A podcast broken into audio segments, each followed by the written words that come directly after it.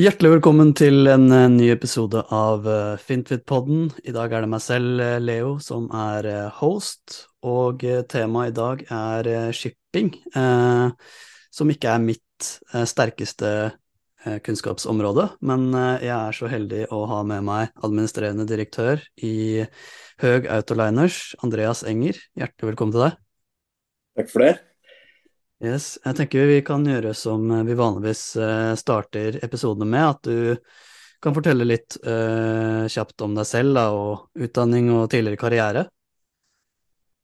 Ja, eh, jeg startet eh, med en eh, ingeniørutdannelse på NTH, NTNU.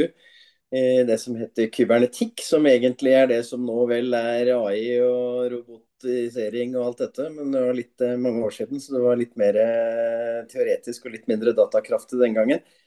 Um, etter det så har jeg jobbet 15 år i McKinsey, vært partner i Skandinavia og jobbet noen år i Midtøsten, mest med olje, gass og energi.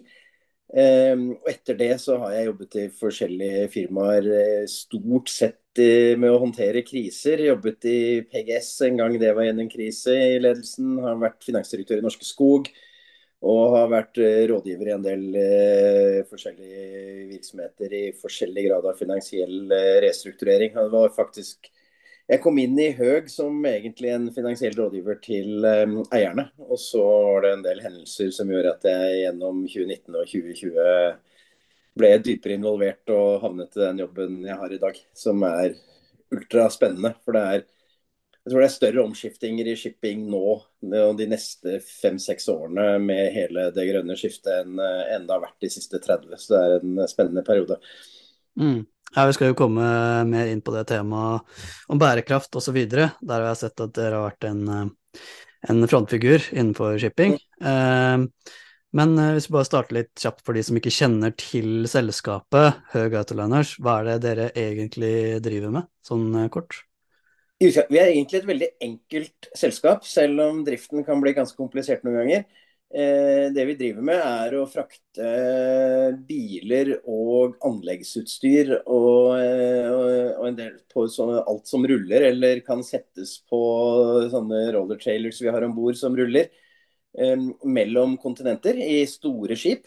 Eh, stort sett fra Asia, Japan, Kina, Korea til eh, Nord-Amerika og Europa. Og tilbake så har vi store fraktlinjer via Midtøsten og tar båtene tilbake til Asia, eller via rundt Australia, Afrika, Sør-Afrika, Australia og New Zealand. Men vi driver bare med det. Men det er klart vi frakter halvannen eh, million biler i året og har 3000 portcalls og, og, er jo på en måte inne i hele verden. Så det er en komplisert operasjon, men en ganske enkel eh, forretningsmodell. Mm. Ja, for det er jo ganske store skip, har jeg sett. Det er jo sånne typiske roro-skip. Eh, ja. Det er jo ja. altså de nybyggene vi har, de har jo 14 etasjer med lastedekk og tar litt over 9000 biler per skip. Eh, så ja, de er 200 meter lange omtrent, og 200 meter lange eksakt. Og eh, mellom 30 og et par og 40 meter brede. Men, eh, men de, er, de, er, jo da høye, så det er, det er, sto, det er store skip. Mm. Nå har jo um, fraktratene på shipping og også bilfrakt uh, vært veldig gode det siste året. Uh, hva er, det, hva er det som har vært hovedårsaken for dette, og hva tror du utviklingen vil være fremover? Det har vært, det har vært dårlig i ti år før. Da. Så det var, det var overkapasitet som gradvis er spist opp. Og så, og så, ble det også skrapet en del gamle skip i pandemien i, 20, i 2020. Så når vi nå kom hit og kom tilbake i normalen ut i 2021 og inn i 2022, så har det vært knapphet på skip.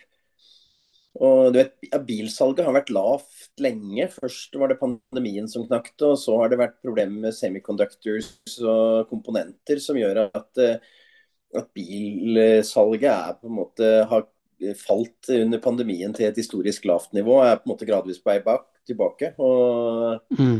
det, er, det, er, ikke nok skipskapasitet rett og slett til å flytte bilene. Og så kommer jo Kina-eksporten også som en eh, ganske ny stor kraft. Eh, som... Eh, øker det du kaller tonnmil, altså som øker kapasitetsbehovet i industrien. Og også åpner nye traderuter som også krever kapasitet, fordi at du har fått en, en, mye større Kina har stort sett ikke eksportert mye biler. De har stort sett bygget eh, lavere kvalitets biler til innenlands bruk. Og det siste året, så et par årene, så har det vært en kraftig økning i, i ja, importen, eksporten av kinesiske biler. Og særlig mm. kinesiske biler, som vi jo ser i Norge også. Men det begynner jo å spre ja. seg også til Ja, det har hatt utrolig vekst der. Um, hvordan, hvilke innovasjoner og teknologier er det selskapet jobber med for å forbedre selskapets tjenester? Eh, da også kanskje innenfor bærekraft, da, som vi snakket om tidligere. Altså, det er jo for oss, som for veldig mange andre, så er det eh, det er to ord som på en måte driver utviklingen. og Det er dekarbonisering og det er digitalisering. Og, og vi er på en måte midt i, i begge. Klart, Shipping er, en, er, egentlig veldig effektiv transport, i den forstand at det er store skip og sånn, men det er jo også en stor det er mye, det har en stor del av verdenshandelen, og derfor er en stor del av CO2-utslippene utslippene i verden. Så vi har jo nå Vi har faktisk tatt ned eh, vårt karbonfootprint eh, med eh, nesten 40% fra 2008 og frem til i dag gjennom eh, å bygge større skip og mer effektive, gå litt saktere. altså eh, Modifikasjoner på skipene. og det, det, fortsetter vi med for å forbedre det vi har. Men vi bygger jo nå eh, nye skip som eh, ba, levert fra verft på tradisjonell fuel er eh, 40-60% mer karboneffektive enn eh, de som går i dag. Men som også har muligheten til å kjøre ammoniakk og metanol, sånn at den kan kjøre på lavere så, så vi vi har et mål om å, om å være nullkarbon- eller karbonnøytrale innen 2040, som er ti år før på en måte det, det, brede målet. Og vi kommer til å ha kapasitet eh, så lenge vi får fuel og får på en måte eh, systemene rundt kommer, så har vi muligheten til å kjøre 25 av eh, Eh, men gjennom nybygg og nyinvesteringer kjøre opptil 25 av eh, driften vår karbonfritt i, eh, innen 2030. Så, så, det er veldig kraftig. Digitalisering er på en måte en, en, annen variant av det, men det er jo ikke sant, vi håndterer store um, altså Vi håndterer en mengde biler. Vi er en del av logistikkjeden til store globale consumer brands, selskaper.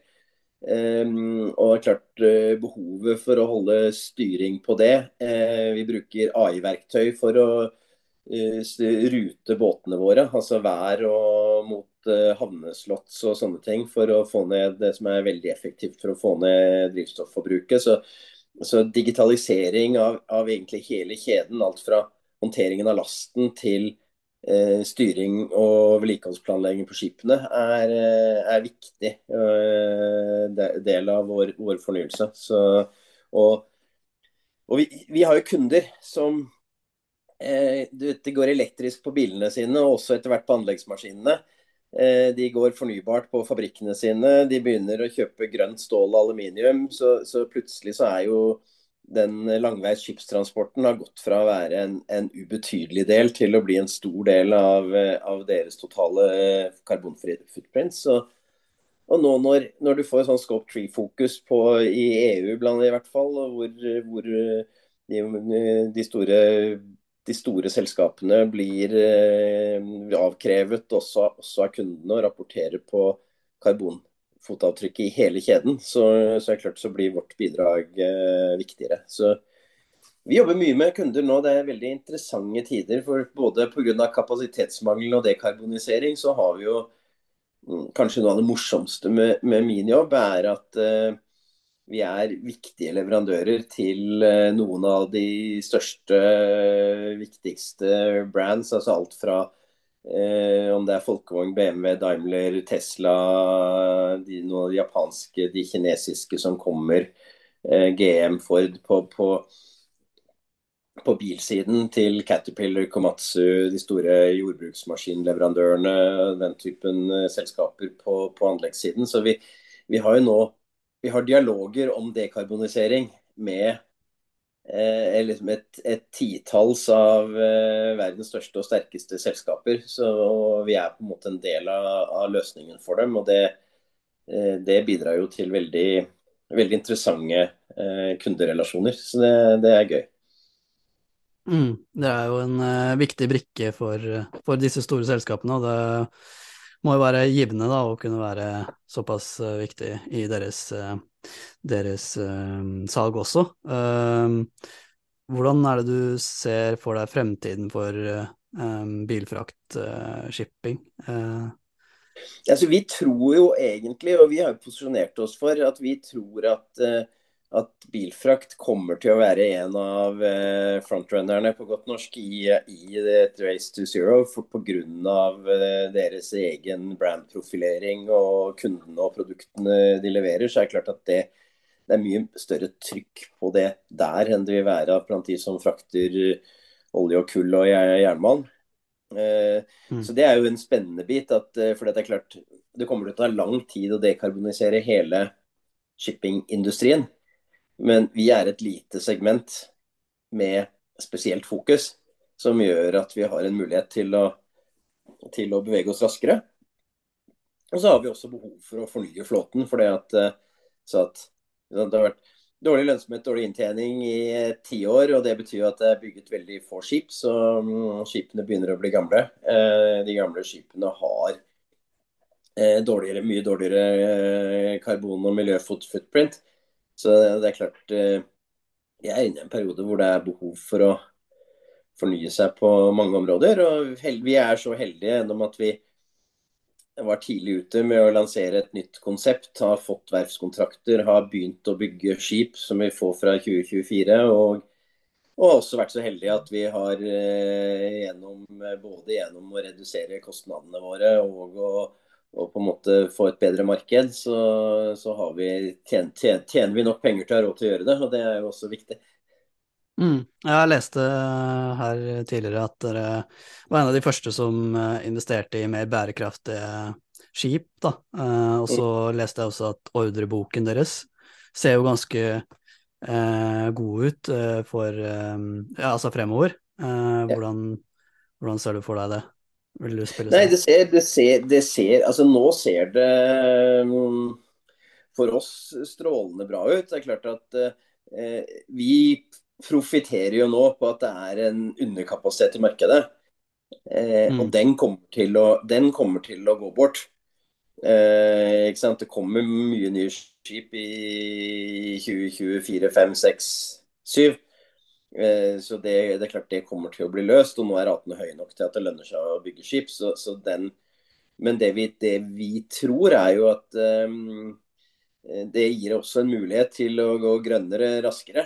Og, mm. og vi tror jo at, uh, at miljøutviklingen kommer til å legge mer press på de eldre skipene. Sånn at, uh, sånn at vi, vi, tror jo at det å gå inn med en moderne, karboneffektiv flåte og kunne tilby kundene våre nullutslippsløsninger er eh, kommer til, å, kom, kommer til å bli bra for oss. Men, men, men det, er, det, er, jo veldig mye som beveger seg. Jeg har sagt det igjen, altså det, er jo, det er jo større forskjell mellom de båtene vi bygger nå og det som ble bygget i 2018, enn det er på eh, mellom de som bygget i 2018 og egentlig de som ble bygget på 80-tallet, nesten. I 1980-tallet. Så det er jo en eh, det er jo en dramatisk og veldig rask utvikling som skjer på teknologisiden på skipene.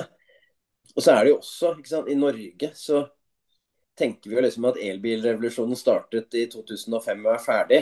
Eh, men i, i, Europa så startet den egentlig i 2022. Eh, hvor du har sett de store liksom, ekspansjonen til Tesla, at, eh, de, at Folkevogn og BMW og Mercedes har laget konkurransedyktige elbillinjer, og hele importen fra, fra Kina, den, den kom jo egentlig, eller i hvert fall så begynte den å skalere i, i, egentlig inn i siste halvår i fjor, hvor vi så på en så kraftig skalering av det. Og, og, i resten av verden så har den jo knapt begynt. Så, mm. så, sånn at uh, det er jo en del teknologiskift her som uh, vi tror både driver behovet for frakt, Eh, for det at folk skal bytte til eh, teknologiskift øker ofte utskiftingen av både biler og etter hvert også anleggsmaskiner. Som, altså mindre anleggsmaskiner begynner jo også å gå elektrisk og sånn. Og, og, samtidig så begynner det å bli mye større forskjell mellom de gamle skipene og de nye skipene i forhold til hva de kan levere av, av karboneffektivitet. Så, så, vi ser jo et, eh, ser et veldig, veldig, veldig spennende marked hvor vi tror det er viktig å posisjonere seg for fremtiden. Og, og, det er det vi det er jo det vi etter beste evne prøver å gjøre. ja, så dere tenker at um, ved å være tidlig, tidlig, ute, da, så har dere på en måte et lite forsprang og stiller bedre fremover i tid også, uh, med tanke på digitaliseringen og um, ESG-målene da, som, som, det stilles krav til. Mm. Vi tror det. Og så er det litt sånn andre ting som er viktig også. Vi har Altså I shipping så er det veldig mange deler det er en sånn ren finansiell, finansiell virksomhet. Skipene er eid av noen du ikke vet hvem er, i et eller annet, eh, et eller annet skatteparadis. Eh, mannskapet leies inn omtrent på spotbasis. og og eh, liksom chartres ut til befraktere som vet ikke hvem som er i lasten og knapt og hvem som Så det er jo en er, Vi driver en virksomhet hvor vi har vi har eget eh, vi, vi, styrer hele mannskapsrekrutteringen eh, selv. Vi har kapteiner og maskinsjefer om bord i båtene våre som har jobbet med oss i 20 og 30 år. Eh, og kan investere mye, mye mer i opplæring. Og vi gjør også Vi eier skipene selv, vi har teknisk management på dem. Så vi har på en måte et, vi har et forretningssystem som er veldig mye mer kontrollert da, eh, mm. enn enn eh, mange andre i mange andre shippingsegmenter. Og det gjør det også lettere å, å drive denne typen prosesser. Ja. Eh, du nevnte at det hadde vært underinvestering i eh, shipping og bilfrakt de siste ti årene. Hvilke faktorer, annet enn disse ratene og underinvesteringen, er det som driver det finansielle for Høg autoliners? Det er jo, øh, altså, det er, det er jo altså, det, er nok, det er nok markedsbalansen og kapasiteten på skip som er det aller viktigste. Uh, samtidig så er det klart at det at, det at det er mange av leverandørene som har sett De har hatt en, en veldig sånn hva skal jeg si, for noe opportunistisk måte å kjøpe inn frakttjeneste på. Eh, og nå får de jo plutselig se, se konsekvensen av det, da, ved å ikke få, ikke få produktene ut til markedet. Det var ganske interessant hvis du går gjennom kvartalsprestasjonene kvartalspresentasjonene til Tesla i fjor. Så var det jo stadig tilbakevendende Elon Musk klaget over at de, ikke, de klarte ikke å få produktet til markedet. Altså De produserte flere biler enn de fikk solgt. og ja. Det var ikke fordi at det var ikke fordi at det ikke var etterspørsel etter bilene, men det var fordi at de klarte ikke å få transportert dem til markedet. Så det er klart, Eh, det, det åpner for eh, en annen type dialog med kundene, hvor det ikke bare er min, minstepris, men eh, hvor du faktisk snakker om å løse problemene deres. Og det er klart det, det gjør det mulig å få bedre relasjoner, lengre relasjoner, og få på en måte en, en bedre struktur på, på forretningen. Men, men til syvende og mm. sist så er det som er, det er en kapasitetsindustri vi driver i. Det skal vi ikke lure oss på. men men, men, det som blir mest spennende, er jo eh, altså, Dekarboniseringen og ESG-fokuset er noe helt nytt. Som jo gjør at eh, et skip ikke lenger er bare et skip. Eh, ikke sant? Vi tilbake, bare tilbake til 2018-2019, før pandemien, så var det ingen av våre kunder som brød seg om karbonfootprint til de båtene de fraktet med. Eh, så det er klart det kommer en ny dimensjon inn i det som gjør at, eh, at kanskje det er mulig å gjøre den virksomheten vår enda mer industriell. Da, og bli partner til noen store selskaper og sørge for at de får en effektiv og pålitelig logistikkjede. Mm. Er det, når det kommer til rater og sånn, er det kun eh, altså spot-rater, eller er det noe fastpriskontrakter dere har inngått òg? Ja, nei, vi har altså På nybiler med de store bilfabrikantene så er det stort sett avtaler som løper i to-tre år. Eh, mm. Så du kan si hvis vi ser på vår lønnsomhetsutvikling eh, gjennom eh, fjoråret, da, så var det eh, rundt på våren i fjor så var det stort sett eh, akselererende spotrater, altså muligheten til å ta, ta lots, store lots med biler som eh, eierne ikke fikk, eller produsentene ikke fikk flyttet på, til veldig Mm. gode priser. Mens eh, utover i annet halvår i fjor og inn nå, så er det nok mer eh, det at de gamle kontraktene som er inngått på lave nivåer, rulles over på høyere priser, så nå, så, eller mye høyere rater. Så, så vi er nok inne i en eh, periode nå hvor det er det viktigste for vår lønnsomhetsutvikling er at vi nå får lengre kontrakter på høyere rater.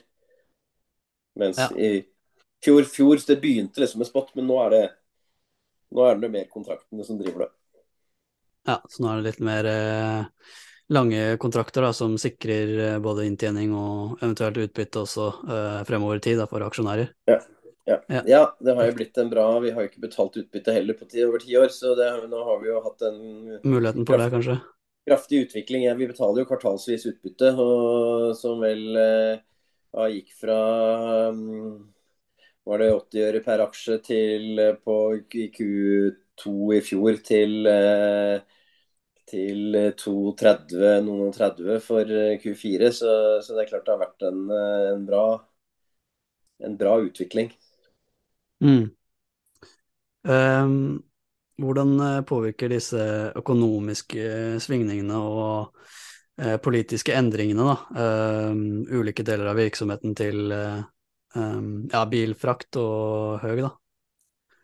Altså, det påvirker egentlig ikke oss så veldig mye. fordi vi har nå bygget, altså Gjennom børsnoteringen og hentet inn kapital og inntjening og sånn, så har vi nå en veldig robust uh, balanse. Vi har em, alle nybyggene vi har bestilt er eh, fullfinansiert. eh, så vi har på en måte en, en finansstruktur på veldig attraktive betingelser som løper eh, helt ut i 2027-2028 og deler av den enda lenger.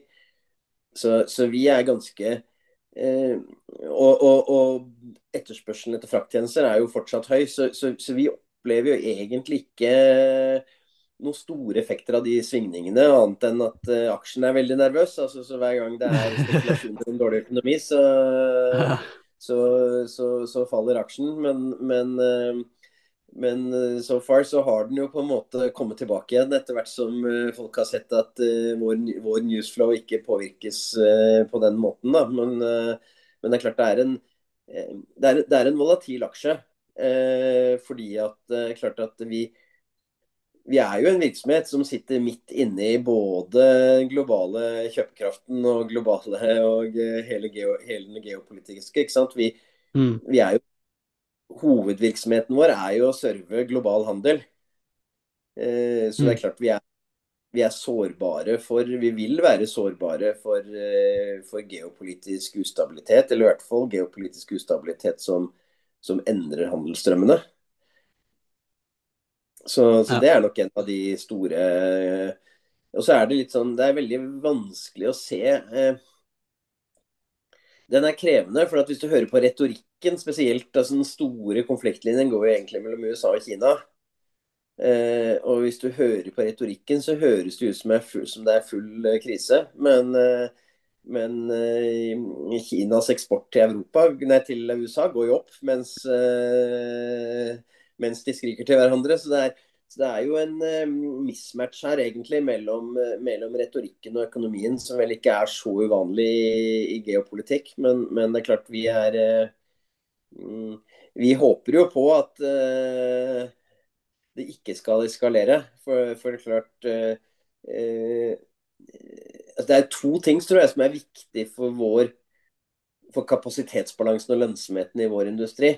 Eh, det ene er at eh, altså hvis Kina lykkes med sitt bileksportambisjoner, som det jo på en måte ser ut som de i hvert fall har en god start på, så kommer det til å drive etterspørselen etter våre tjenester mye.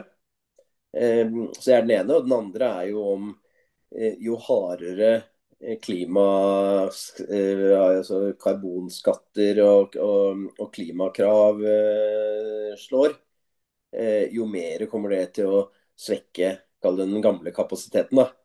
Og, og, sånn sett i og for seg styrke oss, som har, er i ferd med å få en mye større andel ny og, og karboneffektiv mm, kapasitet. Så det er en del sånne av de store eh, de store makroøkonomiske, geopolitiske temaene som, eh, ja. som helt klart er, er, viktig for oss når vi er midt, opp, midt, vi er midt inne i hele det systemet. Mm. Ja, så det er ikke så mye risiko knyttet til valuta og rente og, og kreditt osv. Det er mer eh, det geopolitiske eh, ja, når det kommer til handel og klart, altså, Valuta er litt sånn Vi er nesten ren dollarvirksomhet. Altså det er mm. Så, så, Nesten alle utgiftene våre er i dollar, og finansieringen vår er i dollar, og inntektene våre er prisingene er. Så vi er nok vi er ikke veldig valutaeksponert. Eh, litt på lønninger i noen land. Altså vi er et stort kontor i Manila, Filippinene, og litt eh, vet, eh, ikke så fullt så stort kontor i Oslo. Men det er, det er småtteri i forhold til hele skipsdriften som, eh, som, som, drar de store kostnadene. Så er ikke, valuta er ikke viktig for oss. Men, men, men makroøkonomi og geopolitikk er det jo. For det at både anleggsvirksomhet og bilsalg er jo er jo drevet av makroting. Og selvfølgelig global transport er drevet av eller sårbar eller utsatt for, for, geopolitiske eh, svingninger.